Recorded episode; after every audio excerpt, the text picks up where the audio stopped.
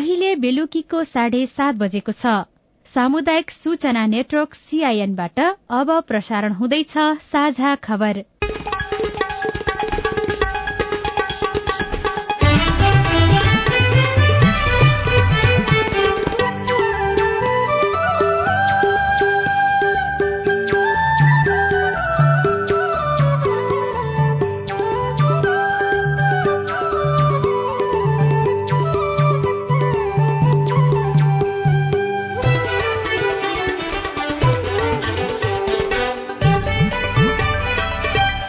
सीआईएनको साझा खबरबाट लील प्रकाश चन्दको नमस्कार। साझा खबर देशभरिका सामुदायिक रेडियो सीआईएन खबर डट कम सीआईएनको फेसबुक पेज र मोबाइल एप सीआईएनबाट सुन्न सकिन्छ।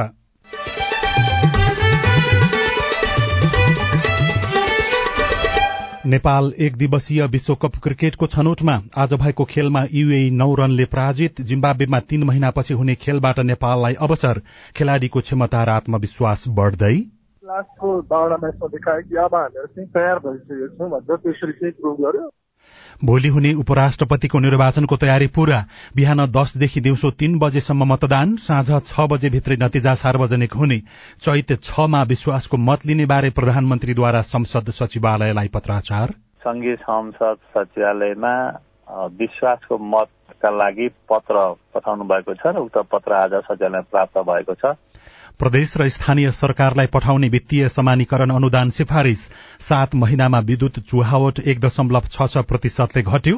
संक्रमणकालीन न्याय सम्बन्धी विधेयकमा मानव अधिकार आयोगको असहमति। सर्वोच्चले गरेको आदेशको चाहिँ यो संशोधन भएर पेश हुन नसकेको हुनाले यो विषयमा चाहिँ आयोगले जनाएको र ए डिभिजन लीग फुटबलको आजको खेलमा सातो बाटोको जीत शेर्पा अनि संकटा क्लबको खेल बराबरी।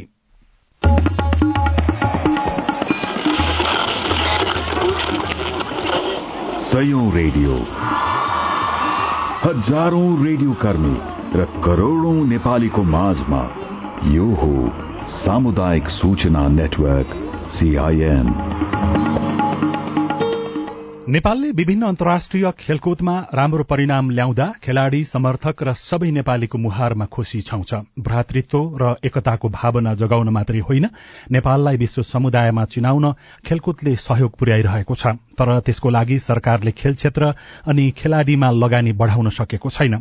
खेल क्षेत्रमा भइरहेको राजनैतिक हस्तक्षेपको अन्त्य र खेलबाट बजेट खेलमा बजेट बढ़ाउन सरकारले विशेष ध्यान दिनुपर्छ। अब खबर अविनाश आचार्यबाट। नेपालले पुरूष एक दिवसीय क्रिकेटमा महत्वपूर्ण सफलता हात पारेको छ। विश्वकप लीग दुईको आफ्नो अन्तिम खेलमा आज युएलाई हराएसँगै नेपालले विश्वकप क्रिकेटको विश्व छनौट खेल्ने भएको हो। नेपालले युएलाई डीएल मेथड अनुसार नौ रनले हराएको हो। आउँदो असारमा जिम्बावेमा हुने विश्वकपको विश्व छनौट खेल्नेछ जहाँ नेपालले वेस्ट इण्डिज श्रीलंका र दक्षिण अफ्रिका मध्ये कुनै दुई देशसँग खेल्नुपर्नेछ। तीन सय एघार रनको ठूलो लक्ष्य पछ्याएको र सडतिस रन बनाउँदा तीन विकेट गुमाएको कमजोर अवस्थाबाट अघि बढ्दै नेपालले जित हात पारेको हो। चार खेलाड़ीले अर्धशतक बनाएपछि नेपालको जित सम्भव भएको थियो। त्यसमा पनि गुलसन झाले बयालिसौं ओभरमा बनाएको बीस रन नेपालको जितका लागि सञ्जीवनी बुटी सरह बनेको थियो। नेपालका भीम सार्कीले सर्वाधिक सतसठी रन बनाउँदा आरिफ शेखले बाहन्न तथा गुलसन झा र कुशल भुर्तेलले पचास पचास रन बनाउनुभयो। किर्तिपुरमा टस जितेर पहिले ब्याटिङ गरेको युएले पचास ओभरमा छ विकेट गुमाएर तीन सय दस रन बनाएको थियो। युएका आसिफ खानले अभिजित एक सय एक रन बनाउनुभयो। आक्रामक ब्याटिङ गर्दै आसिफले मात्र बयालिस बलमा एघार छक्का र चार चौका प्रहार गर्नुभएको थियो। यो एसोसिएट देशका खेलाड़ीले बनाएको सबैभन्दा कम बलको शतक हो। यस्तै समग्रमा एक दिवसीयको चौथो कम बलको शतक हो। यस्तै युएका वृत्य अरविन्दले चौरानब्बे रनको योगदान गर्नुभयो। बाह्र खेल अघिसम्म एक दिवसीय मान्यता जोगाउन हम्मे हम्मे रहेको नेपालले नयाँ मुख्य प्रशिक्षक मोन्टी देसाईको प्रशिक्षण र कप्तान रोहित पौडेलको कप्तानीमा एक दिवसीय मान्यता जोगाउने उपलब्धि मात्रै हासिल गरेन। विश्वकपको छनौट खेल्ने अर्को महत्वपूर्ण सफलता पनि हात पारेको छ। नेपालका लागि यो उपलब्धि कतिको महत्वपूर्ण हो? राष्ट्रिय क्रिकेट टोलीका पूर्व खेलाड़ी शक्ति गौचन। जुन हामीले चाहिँ गएको बाह्रवटा म्याचमा पर्फर्मेन्स गरेर आई थिङ्क त्यसले चाहिँ प्रुभ गरेको छ कि हामीले फिफ्टी ओभरमा पनि राम्रो खेल्न सक्छौँ भन्दै एउटा प्रुभ गरेको छ त्यसले देखाएको छ कि यङ्स्टर चाहिँ अब बिस्तारै चाहिँ प्रुभ गरिसकेको छ होइन नेपालको समग्र क्रिकेटका लागि यो अवसरले कस्तो फाइदा पुर्याउन सक्छ? क्रिकेटको बारेमा चाहिँ विश्व नै चिनाउने एउटा मौका पाएको छु। आई थिङ्क त्यो चाहिँ एकदम one of the best moment हो भन्दा मिल्छ। नेपालले अब तयारी कस्तो गर्नुपर्छ होला? के तपाईँको सुझाव के छन्? जिम्मेवारी त अब कोचको क्याप्टेनको र लास्टमा गएर चाहिँ एसोसिएसनको जान्छ होइन? त्यसमा चाहिँ अब गभर्मेन्टले पनि सपोर्ट गर्नुपर्ने हुन्छ खेलकुद परिषदले पनि सपोर्ट गर्नुपर्ने हुन्छ one of the best facilities दिएर चाहिँ अगाडि बढाउने काम चाहिँ सबैले मिलेर गर्नुपर्छ भोलि हुने उपराष्ट्रपति पदको निर्वाचनको सबै तयारी पूरा भएको छ। निर्वाचन आयोगका अनुसार उपराष्ट्रपतिको निर्वाचनका लागि नयाँ बानेश्वर स्थित संघीय संसद भवनमा भोलि बिहान दसदेखि दिउँसो तीन बजेसम्म मतदान हुनेछ। संसद भवनको लोत्से हलमा दुई मतदान केन्द्रको व्यवस्था गरिएको र मतपत्र केन्द्रमा पुगिसकेको आयोगले जनाएको छ। आयोगका अनुसार दिउँसो तीन बजेसम्म लाइनमा बसेका मतदाताले मतदान गर्न पाउनेछन् भने भोलि साँझ छ बजेसम्म निर्वाचनको मतपरिणाम सार्वजनिक गर्ने तयारी गरिएको आयोगका प्रवक्ता शालिग्राम शर्मा पौडेलले सीआईएनसँग बताउनुभयो। त्यो कुरा कानूनमा पनि उल्लेख छ आचार संहितामा पनि उल्लेख छ र आयोगले विज्ञप्ति मार्फत सबैलाई सम्बन्धित उम्मेद्वार उम्मेद्वारको प्रतिनिधि राजनीतिक दल र सबै सरकारवालाहरूलाई जानकारी पनि गराएको छ। भेला गर्ने गोष्ठी गर्ने अथवा चाहिँ एसएमएसबाट भोट माग्ने लगायतका गतिविधिहरू गर्नुहुन्न भनेर आयोगले सबैलाई यो अनुरोध आग्रह गराएको छ। संघीय संसदका सदस्य र प्रदेशसभा सदस्यका लागि छुट्टा छुट्टै मतदान केन्द्रको व्यवस्था गरिएको छ। उपराष्ट्रपतिको निर्वाचनमा संघीय संसदका तीन सय बत्तीस र प्रदेशसभाका पाँच सय पचास सांसदले मतदान गर्नेछन्। संघीय संसद र प्रदेशसभाका सदस्य मतदाता रहेका छन्।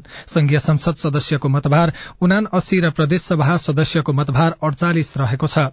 यसैबीच निर्वाचन आयोगले उपराष्ट्रपतिको निर्वाचनका लागि प्रचार प्रसार निषेधका अवधिमा राजनैतिक दलको बैठकबाट उम्मेद्वारलाई मत दिने वा नदिने निर्णय नगर्न नगराउन ध्यानाकर्षण गराएको छ। प्रधानमन्त्री पुष्पकमल दाहाल प्रचण्डले चैत छ गते प्रतिनिधि सभाबाट पुनः विश्वासको मत लिने बारेमा संघीय संसद सचिवालयलाई जानकारी गराउनु भएको छ। छ गते विश्वासको मत लिने व्यवस्था मिलाउन सभामुख देवराज घिमिरेलाई प्रधानमन्त्रीले पत्र पठाउनु भएको संसद सचिवालयका सहप्रवक्ता दशरथ धमलाले सीआईएनसँग बताउनुभयो। सम्माननीय प्रधानमन्त्रीज्यूले संघीय संसद सचिवालयमा विश्वासको मतका लागि पत्र पठाउनु भएको छ र उक्त पत्र आज सचिवालय प्राप्त भएको छ। यही छ गतेको दिन विश्वासको मत लिने भन्ने बेहोरा उक्त पत्रमा उल्लेख भइआएको छ। गत पुष दश गते प्रधानमन्त्रीमा नियुक्त हुनुभएका प्रचण्डले गत पुष छब्बीस गते विश्वासको मत लिनुभएको थियो तर फागुन पच्चीस गते भएको राष्ट्रपति चुनावसँगै सत्ता गठबन्धनमा आएको हेरफेरका कारण दाहालले पुनः विश्वासको मत लिनुपर्ने भएको हो। यस्तै बागमती प्रदेश सरकारका मुख्यमन्त्री शालिग्राम जमकटेलले पनि यही चैत आठ गते विश्वासको मत लिनुहुने भएको छ। केही हप्ता अघि राप्रपाले सरकारमा सहभागी आफ्ना तीनजना मन्त्रीलाई फिर्ता बोलाउने र सरकारलाई दिएको समर्थन फिर्ता लिने निर्णय गरेसँगै अल्पमतमा परेको वर्तमान सरकारले यही चैत आठ गते विश्वासको मत लिने भएको हो। त्यसका लागि प्रदेशसभा सचिवालयले सो दिन दिउँसो तीन बजेका लागि बैठक बोलाएको प्रदेशसभा सचिवालयका प्रमुख सचिव कृष्ण हरि खड्काले जानकारी दिनुभयो। जनता समाजवादी पार्टी नेपालले मन्जु अन्सारीलाई प्रतिनिधि सभा सदस्य बनाउने निर्णय गरेको छ। आज बसेको पार्टीको कार्यकारिणी समिति बैठकले अन्सारीलाई सांसद बनाउने निर्णय गरेको हो। पार्टीका तर्फबाट समानुपातिक सांसद सहनाज रहमानको निधन भएपछि प्रतिनिधि सभातर्फको एक स्थान रिक्त रहेको थियो। रिक्त पदमा मुस्लिम कलस्टरको दोस्रो स्थानमा रहनुभएका अन्सारीलाई सांसदका लागि सिफारिश गर्ने निर्णय गरेको प्रवक्ता मनिष सुमनले बताउनुभयो।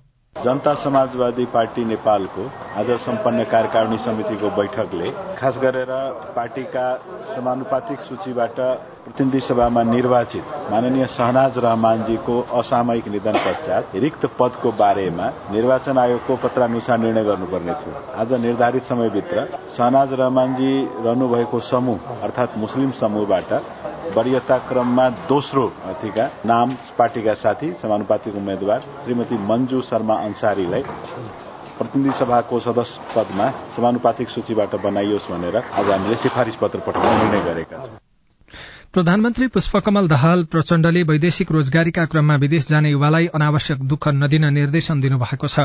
आज दिउँसो गृह मन्त्रालय मातहतको विकास समस्या समाधान समितिको बैठकलाई सम्बोधन गर्दै प्रधानमन्त्री प्रचण्डले वैदेशिक रोजगारीमा जाँदा युवाले अनेकौं समस्या भोग्नु परेको भन्दै अनावश्यक दुःख नदिन निर्देशन दिनुभएको हो। राष्ट्रिय मानव अधिकार आयोगले संक्रमणकालीन न्याय सम्बन्धी ऐन संशोधन विधेयकप्रति फेरि आपत्ति जनाएको छ। बेपत्ता पारिएका व्यक्तिको छानबिन सत्य निरूपण तथा मेलमिलाप आयोग ऐन दुई हजार एकहत्तरलाई संशोधन गर्न बनेको विधेयक पीड़ितका सुझावलाई व्यवस्था गर्दै दर्ता गरिएको भन्दै आयोगले आपत्ति जनाएको आयोगका सहायक प्रवक्ता श्यामबाबु काफ्ले सीआईएनसँग बताउनुभयो। अब यसमा चाहिँ मेन कुरो भनेको चाहिँ पीडितहरूसँग यो छलफल नभएको विषय परामर्श नभएको विषय र अर्को जुन जुन विषयले चाहिँ इम्प्युनिटीलाई प्राय इम्प्युनिटी दिइरहेको छ भन्ने विषय छ नि।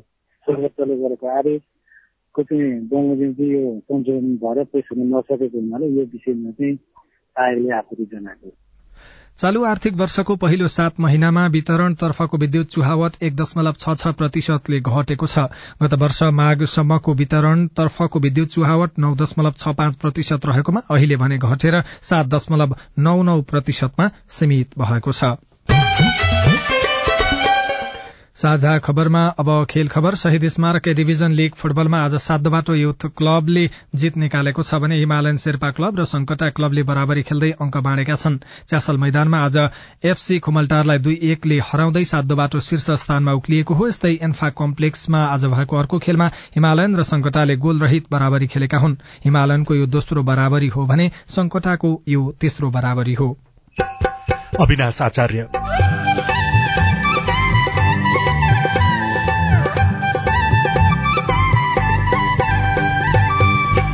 गाउँघरमा सड़क पुग्दा नागरिकमा खुसियाली। सिद्ध शुक्रबारे अहिले पन्ध्रदेखि बिस मिनटमा किसानहरूले आफूले उब्जाएको बारी डाली लान सफल भएका छन्। स्थानीय उत्पादनले बजार पाउने र आर्थिक अवस्था सुध्रिने अपेक्षा।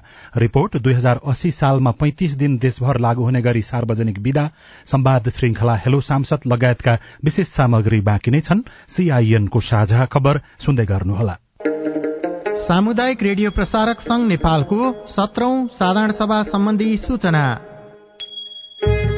सामुदायिक रेडियो प्रसारक संघको सत्रौं साधारण सभा तथा सामुदायिक रेडियो राष्ट्रिय सम्मेलन यही चैतको आठ र नौ गते संघीय राजधानी काठमाडौँमा आयोजना हुँदैछ।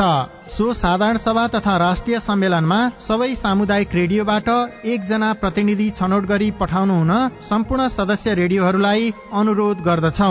साधारण सभामा भाग लिन आउने एकजना प्रतिनिधिको नाम रेडियो संचालक समितिको निर्णयको प्रतिलिपि सहित चैत पाँच गतेसम्ममा संघको केन्द्रीय कार्यालयमा पुग्ने गरी पठाइदिनु हुन अनुरोध छ। नवीकरण नगरेका रेडियोहरूले आर्थिक वर्ष दुई हजार उनासी अस्सीसम्मको नवीकरण गर्न हुन पनि अनुरोध गरिन्छ। नेपाल टेलिकमको सूचनाको संसार। होइन के सुनेको यस्तो ध्यान दिएर दोहोरो बोलेको जस्तो नि देख्दिन। तिन दुई एक शून्य शून्य क्या? तिन दुई एक शून्य शून्य। के हो त्यो भने? बुझिन त। ल सुन एनटिसी प्रयोगकर्ताहरूले आफ्नो मोबाइल तथा ल्यान्डलाइनमा तीन दुई एक शून्य शून्य डायल गरी समाचार रेडियो कार्यक्रम खेल र अन्य विषय बारे सन्देशहरू जुनसुकै बेला निशुल्क सुन्न सक्छन्। ओहो निशुल्क? कस्तो सजिलो। समाचार सुन्न छुट्यो भनेर पिर लागेको थियो। अब त म पनि सुनिहाल्छु।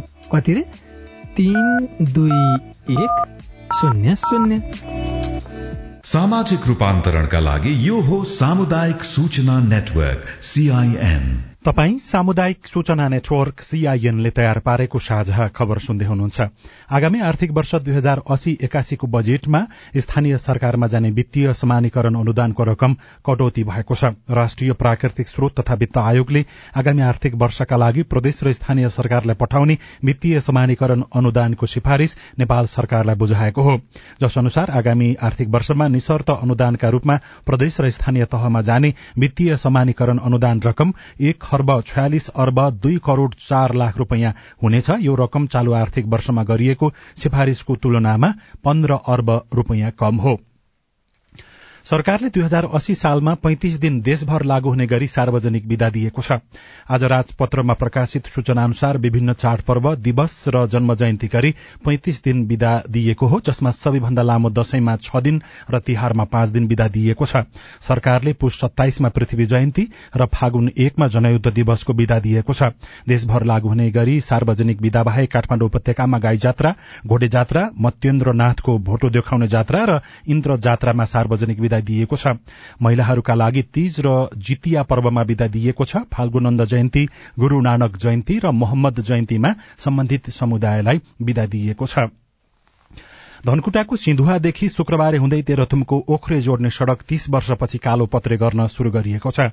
कोशी राजमार्गसँग जोडिएको सोह्र किलोमिटर लामो सड़क कालो पत्रे हुने भएपछि स्थानीयवासीले खेप्दै आएको हिलो र धुलोको शास्तिबाट मुक्ति पाउनेछन् तेह्रथुमको छतर क्षेत्रका नागरिक हिउँदमा धुलाम्मे र वर्षातमा हिलाम्मे सड़कमा शास्ति भोग्दै आएका थिए। कोशी राजमार्गसँगै जोडिएको सिद्धुवा शुक्रबारे ओख्रे सड़क कालोपत्रे हुने भएपछि यस क्षेत्रका र छिमेकी जिल्लाका नागरिक सजिलो हुने अपेक्षामा छन्। छतर गाउँपालिका वाडा नम्बर दुईका स्थानीय उमेश पोखरेल। हिजो यो हिलाम्मे बाटोमा किसानहरूले उब्जाएको बाली नालीहरू पनि होइन कम्तीमा सिधुवा लानलाई कति घण्टा लाग्थ्यो? अहिले सिधुवा शुक्रबारे पिच भएको कारणले गर्दाखेरि सिधुवा शुक्रबारे अहिले पन्ध्रदेखि बिस मिनटमा किसानहरूले आफूले उब्जाएको बाली डाली लान सफल भएका छन्। यो सड़क बयासी करोड़ रूपियाँको लागतमा कालोपत्रेको काम भइरहेकोमा अस्सी प्रतिशत काम सकिएको निर्माण कम्पनीले जनाएको छ। आगामी साढे दुई महिनामा काम सक्ने गरी लागेको बताउँदै ओएसिस इन्जिनियर्स एण्ड बिल्डर्स प्राली कम्पनीका इन्जिनियर मिनराज तामाङ सिद्धुवादेखि शुक्रबारसम्म हाम्रो नौ किलोमिटर सेमी ग्राउटिङको कार्य पनि कम्प्लिट भइसकेको छ। तल शुक्रबारदेखि ओखरेको बाँकी सात किलोमिटर कामको बेस पनि हामी अहिले चालु अवस्थामा छ। लगभग दुईदेखि ढाई महिनामा हामीले सम्पूर्ण काम चाहिँ सक्ने योजना। सड़कमा दैनिक चारवटा बसका साथै साना तथा ठूला सवारी साधन चल्दै आएका छन्। सड़क कालोपत्री भएसँगै आर्थिक सामाजिक र सांस्कृतिक पक्षमा सकारात्मक प्रभाव पर्ने बताउनुहुन्छ छतर गाउँपालिकाका अध्यक्ष सन्तबीर लिम्बू। यो बाटो निर्माणसँगै छतरका नागरिकहरूको जीवनमा आमूल परिवर्तन गर्नको लागि ठोस योगदान पुर्याउनेछ। छतरको नागरिकहरूको आर्थिक सामाजिक सांस्कृतिक पक्षमा यसले ठोस योगदान पुर्याउनेछ र यहाँ उत्पादित चिज वस्तुहरूलाई बजारीकरण गर्नको लागि यसले ठोस योगदान पुर्याउनेछ। सड़क निर्माणसँगै सिद्धुवा शुक्रबारे घण्टौ लगाएर यात्रा गर्दै आएका नागरिकलाई पन्ध्र मिनटमा नै यात्रा गर्न थालेका छन्। सिद्धुवादेखि शुक्रबारे हुँदै तेह्रथुमको ओख्रे जोड्ने सड़क बनेमा छतर गाउँपालिकाका सोह्र हजार नागरिकका साथै छिमेकी जिल्ला धनकुटा र पाँचथरका नागरिकहरू लामान्वित हुने भएका छन्। विकास गुरूङ सीआईएन रेडियो तिन्जुरे बसन्तपुर तेह्रथुम साझा खबरमा अब हेलो सीआईएन सजना तिमल सिन्हाबाट। सीआईएनको फेसबुक पेजमा आशिष महतोले आउँदो सत्र गतेदेखि हुन लागेको माध्यमिक शिक्षा परीक्षा एसईईमा अकाउन्ट विषयको प्रश्नमा अकाउन्टिङ सिस्टमको प्रश्न नयाँ वा पुरानो सिस्टमबाट आउँछ भनेर सोध्नु भएको छ। आशिषजी तपाईँको जिज्ञासामा राष्ट्रिय परीक्षा बोर्ड अन्तर्गत कक्षा दशका उपनियन्त्रक लोकनाथ आचार्य भन्नुहुन्छ। महालेखा परीक्षाको फारमहरू चाहिँ चेन्ज भएपछि हामीले विद्यार्थीहरूलाई त्यसैमा अभ्यस्त गराउनु पर्ने हुन्छ। उनीहरूलाई प्रयोग गर्ने फारम एउटा र परीक्षा दिने फारम एउटा गर्नु हुँदैन। यो वर्षको हकमा नयाँ चाहिँ फारमहरू प्रयोग हुन्छन् नयाँ फारमै जान्छ। त्यसमा कन्फ्युजन हुनुपर्ने अवस्था छैन। यस्तै सिराहाबाट ऋतु कर्णले एमबीएस को भर्ना हुन खोज्दा यताको कलेजले मानिरहेको छैन। के म यो वर्ष साँच्चै भर्ना हुन पाउँदिन त? भनेर गुनासो पोख्नु भएको छ। तपाईँको गुनासो सुनेपछि त्रिभुवन विश्वविद्यालय अन्तर्गत व्यवस्थापन शाखाका डिन प्राध्यापक डाक्टर दिलीराज शर्मा भन्नुहुन्छ। उहाँको यदि इन्ट्रान्स चाहिँ छुटिसकेको छ र उहाँले अस्तिको सिमेट इन्ट्रान्समा चाहिँ परीक्षा दिन रिजल्टले भ्याएन भने अब यो सेसनलाई चाहिँ उहाँले भर्ना गर्न सक्नुहुन्न। अब कमिङ सेसनको लागि मात्र उहाँले फर्म भर्न पाउनुहुन्छ। मेरो नाम सुरज पन्त। हाल चाहिँ नेपाल पतानसेनबाट बोलिरहेको छु। हाम्रो क्लास इलेभेनको इक्जाम चाहिँ कति बजीदेखि हुन्छ होला? जवाफ दिँदै हुनुहुन्छ। उपनियन्त्रक कृष्ण घिमिरे। अहिलेसम्मको चलन अनुसार कक्षा बाह्रको परीक्षा भन्दा अगाडि चाहिँ कक्षा एघारको परीक्षा लिन नपाउने भन्ने हामी निर्देशन गरेका छौँ। त्यसैले हाम्रो कक्षा बाह्रको परीक्षा जेठको पाँच गते सकिन्छ। त्यसपछि विद्यालयले नै सूचना निकालेर यहाँलाई जानकारी गराउँछ। त्यसपछि परीक्षा सञ्चालन हुन्छ। तपाईँ जुनसुकै बेला हाम्रो टेलिफोन नम्बर शून्य एक बान्न साठी छ चार छमा फोन गरेर आफ्नो प्रश्न जिज्ञासा गुनासा तथा प्रतिक्रिया रेकर्ड गर्न सक्नुहुनेछ। तपाई सामुदायिक सूचना नेटवर्क सीआईएनले काठमाण्डुमा तयार पारेको साझा खबर सुनिरहनु भएको छ। सांसदहरू काम गर्न सरकारमै जानुपर्ने बाध्यता कि रहर? मिल्दै मिलेन भने अब जबरजस्ती गर्नुहुन्न। र मिल्दासम्म निर्वाचनको बेला बोलिएका कुरालाई पूरा गर्नको लागि सरकारबाट जानै पर्छ। राजनीतिक जोड घटाउमा निर्णायक सांसद मतदाताका माग सम्बोधन गर्न कतिको सक्रिय? संवाद श्रृंखला हेलो सांसद बाँकी नै छ। सीआईएनको साझा खबर सुन्दै गर्नुहोला।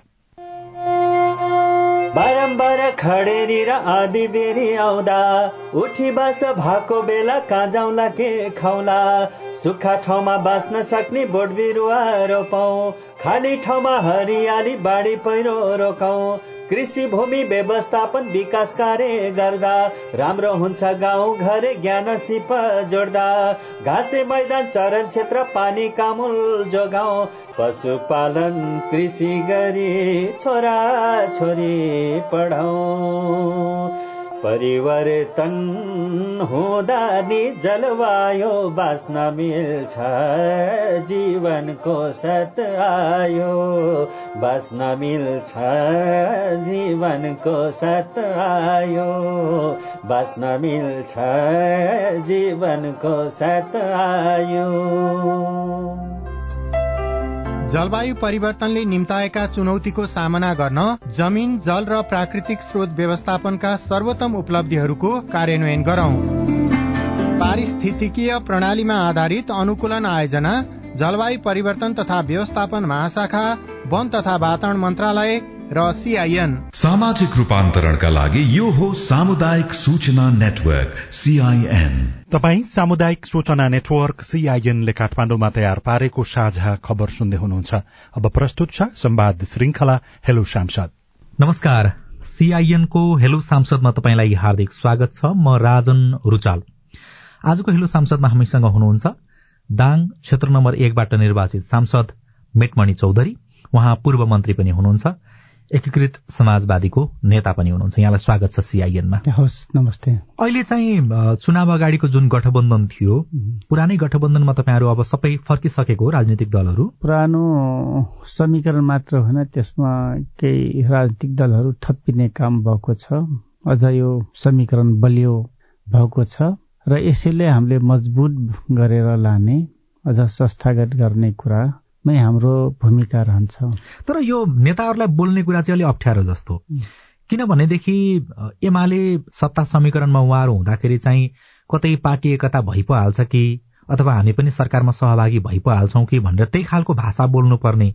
आज फेरि अर्कै समीकरण बन्दाखेरि अर्कै खालको भाषा बोल्नुपर्ने बाध्यता के तपाईँहरूलाई होइन त्यस्तो? होइन हामी जुन योभन्दा अगाडिको समीकरण अथवा राष्ट्रपति निर्वाचनको लागि जुन प्रस्ताव गर्ने अवस्था थियो यसमा हामीले कति पनि विश्वास थिएन।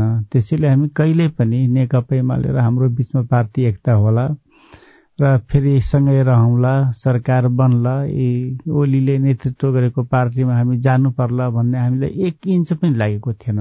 त्यसैले हाम्रो ल्याङ्ग्वेजहरू हाम्रा जुन प्रेजेन्टेसनहरू त्यस्तो कहिले पनि चेन्ज भएन। केही दिन अगाडिसम्मको कुरा चाहिँ तपाईँको पार्टी अध्यक्ष माधव कुमार नेपाल भावी राष्ट्रपतिको रूपमा चाहिँ नाम चर्चामा रहेको पात्र हुनुहुन्थ्यो। तर अहिले अवस्था फेरिएको छ। पछिल्लो पटक चाहिँ यो पुरानो समीकरणमा भएका दलहरू काङ्ग्रेस माओवादी केन्द्र र एकीकृत समाजवादी लगायतका दलहरूको बीचमा भएको सहमति चाहिँ अनुसार उहाँलाई एक वर्ष मात्रै भए पनि प्रधानमन्त्रीको रूपमा चाहिँ देख्न पाइन्छ त्यो खालको सहमति भएको छ भन्ने कुरा छ। त्यस्तै सहमति भयो हो अहिले। राजनीतिमा अब यही नै ठ्याक्कै भन्न त मिल्दैन सकिन्न। तर मलाई लाग्छ त्यो सम्भावनाको नजिकमा देख्छु। किनकि आज हामीले आठवटा राजनीतिक दल मिलेर सरकार बनाएका छौँ त्यसमा थप केही दलहरू थप्ने प्रयास पनि गरिरहेका छौँ। त्यसैले शीर्ष नेतृत्वहरूको बिचमा केही जेन्टलमेन एग्रिमेन्ट पनि भएको हुनसक्छ जस्तो यो अहिले प्रधानमन्त्री कमरेड प्रचण्ड रहने त्यसपछिको प्रधानमन्त्री माधव कमरेड रहने र त्यसपछि चुनावी सरकारको प्रधानमन्त्री शेरबहादुर देउपा हुने भन्ने विषयमा एक खालको टुङ्गो लागेको होला जस्तो मलाई लाग्छ। त्यसले माधव कमरेड यस पछाडि दुई वर्ष पछाडिको प्रधानमन्त्री हो भनेर भन्न सक्छौँ हामी। तर यही कुरा नि सरकारको नेतृत्व गर्ने विषय को नेतृत्वमा हुन्छ भन्ने कुराले त त्यति धेरै अर्थ नराख्ला। तर दुई वर्षमा सरकारको नेतृत्व परिवर्तन हुँदै गर्दा मन्त्रीहरू परिवर्तन हुँदै गर्दाखेरि त्यसले त अस्थिरता नै त निम्त्याउँछ नि होइन? त्यसमा तपाईँहरूको अग्रसरता किन के? दुई वर्ष भनेको सफिसियन्ट टाइम हो। म पनि पाँच छ महिना सरकार मन्त्री हुँदा सरकारको मलाई लाग्छ त्यो टाइम भनेको सफिसियन्ट टाइम यद्यपि मेरो पालोमा धेरै कुरा मिलाएको थिएन। हुन निर्वाचनका कुरा थियो दसैँ थियो तिहार थियो निर्वाचन आचार संहिता थियो। त्यसैले आफूले चाहेको जस्तो काम त गर्न सकिएन। तर मलाई के लाग्यो भने त्यो सफिसियन्ट टाइम हो। यदि सबै फ्रिक्वेन्टली काम गर्न पाएको भए त्यो धेरै महत्त्वपूर्ण धेरै पुरा टाइम हो। त्यसैले एउटा व्यक्ति अब मुलुकलाई कस्तो बनाउने जस्तै कमर प्रचण्डले कस्तो बनाउने या माधव नेपालले कस्तो बनाउने या देउपाले कस्तो बनाउने यो कुरा जनताले त्यहाँ देखिसक्नु भएको छ भन्न हेर्नु भएको छ।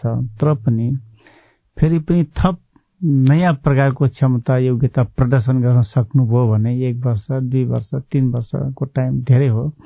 यसले अस्थिरता निम्ति आउँदैन त्यो सोच्नु पनि हुँदैन। किनकि छ छ महिना दुई दुई महिनामा सरकार चेन्ज हुने बेला अथवा इक्वेसन चेन्ज हुने बेला ढाई वर्षको कुरा एक वर्षको कुरा फेरि डेढ वर्षको कुरा यो टाइम भनेको सफिसियन्ट टाइम हो। एउटा व्यक्ति पाँच पाँच वर्षमा प्रधानमन्त्री हुने कुरा पनि धेरै मजा चाहिँ होइन जस्तो मलाई लाग्छ। अब तपाईँको पार्टीको सरकारमा सहभागिताको कुरा गरौँ। तपाईँहरू चाहिँ उपराष्ट्रपतिको चुनाव सकिसके पछाडि सरकारमा सहभागी हुने विषयमा अलिकति कुरा अगाडि बढेको हो। तीन गति उपराष्ट्रपति निर्वाचन र त्यस पछाडि सरकारमा सहभागी बन्ने कुरा भागभण्डका कुरा त्यो विषयमा छलफल। त्यो कोर्समा प्रवेश हामी गर्छौँ। त्यो सरकारमा सहभागी बन्दै गर्दाखेरि चाहिँ एकीकृत समाजवादीसँग के स्वार्थ हुन्छ? त्यहाँ केही थान मन्त्री पाउने मात्रै स्वार्थ हुन्छ कि केही काम गरेर देखाउनुपर्छ? कम्तीमा पनि जनताको बीचमा जाँदाखेरि जुन आकार हाम्रो घटेको छ त्यसलाई बढाउने गरी हामीले काम गर्ने गरी चाहिँ मन्त्रालयहरू रोज्नुपर्छ त्यहाँ त्यस्ता व्यक्ति पठाउनुपर्छ भन्ने पनि स्वार्थ हुन्छ। कम्तीमा सरकारमा गइसकेपछि छवि कायम गर्न सक्ने सरकारलाई अथवा जनताहरूलाई कुनै चिजहरूलाई प्रोभाइड गर्न सक्ने त्यस्ता व्यक्तिहरूको खोजी त अब हुने नै भयो। त्यसमा टप सिनियरबाट हुन सक्छ या अनुभव कसले गर्न सक्छ या चान्सेसको हिसाबले। पनि सबै चिजलाई एक ठाउँमा ल्याएर अब कसैलाई चान्स पनि दिनुपर्ने अवस्था होला। जस्तै यङहरूलाई पनि त सहभागी गराउनु पर्यो। र नेतृत्वको हिसाबले कमल प्रकाश ज्वाला अथवा राजेन्द्र पाण्डे हुनुहुन्छ यहाँहरूमध्ये नेतृत्व गर्ने ठाउँमा पुग्याउनु पर्छ। र कोही कोहीलाई कसरी रिजल्ट राम्रो आउन सक्छ त्यो विषयमा ध्यान दिँदै व्यक्ति छनौट गर्ने कुरा हुन सक्छ। जस्तो यो विषयमा नि तपाईँहरू सरकारमै नगएदेखि अथवा सरकारमै सहभागी नभएर बाहिर बसेर समर्थन मात्रै गर्ने त्यसरी पनि त सोच्न सकिन्छ होला नि होइन? एउटा कुरा के हो भने राजनीति गर्ने चुनाव लड्ने सरकारमा सहभागी बन्ने कुरा त्यसपछि आफ्ना इस्यु आफ्ना एजेन्डामा ल्याउने कुरा एउटा हरेक राजनीतिक कर्मीहरूको एक खालको दायित्वभित्रको कुरा हो एउटा प्रक्रियाभित्रको कुरा हो। त्यसैले अब मिल्दै मिलेन भने अब जबरजस्त गर्नुहुन्न। तर मिल्दासम्म आफ्नो एजेन्डा अथवा जनताहरूको निर्वाचनको बेला बोलिएका कुरालाई पूरा गर्नको लागि त सरकारमा त जानै पर्छ। संवाद श्रृंखला हेलो सांसदको विस्तृत कुराकानी भोलि बिहान साढे छ बजेको कार्यक्रम हेलो सांसदमा प्रसारण हुनेछ। सुन्ने प्रयास गर्नुहोला। नेपाल एक दिवसीय विश्वकप क्रिकेटको छनौटमा पुगेको छ। आज भएको खेलमा युए नौ रनले पराजित भयो। भोलि हुने उपराष्ट्रपतिको निर्वाचनको तयारी पूरा भएको छ। बिहान दसदेखि दिउँसो तीन बजेसम्म मतदान साँझ छ बजेभित्र नतिजा सार्वजनिक हुने निर्वाचन आयोगले बताएको छ। यही चैत छमा विश्वासको मत लिने बारे प्रधानमन्त्रीले संसद सचिवालयलाई पत्राचार गर्नुभएको छ। प्रदेश र स्थानीय सरकारले पठाउने वित्तीय समीकरण अनुदान समानीकरण अनुदान सिफारिश गरिएको छ। सात महिनामा विद्युत चुहावट एक दशमलव छ छ प्रतिशतले घटेको पाइएको छ। संक्रमणकालीन न्याय सम्बन्धी विधेयकमा मानव अधिकार आयोगले ध्यानकर्षण भएको जनाएको छ। सरकारले दुई हजार अस्सी सालमा देशभर लागू हुने गरी पैंतिस दिन सार्वजनिक विदा दिएको छ। र ए डिभिजन लीग फुटबलको आजको खेलमा सातो बाटोको जित भयो। शेर्पा र संकटा क्लबले बराबरी खेलेका छन्। हवस् त आजलाई साझा खबरको समय सकियो। प्राविधिक साथी सुनिल राज भारतलाई धन्यवाद। भोलि चैत तीन गते बिहान छ बजेको साझा खबरमा फेरि भेटौँला। अहिलेलाई लील प्रकाश चन्द पनि विदा हुन्छु। नमस्कार शुभरात्री।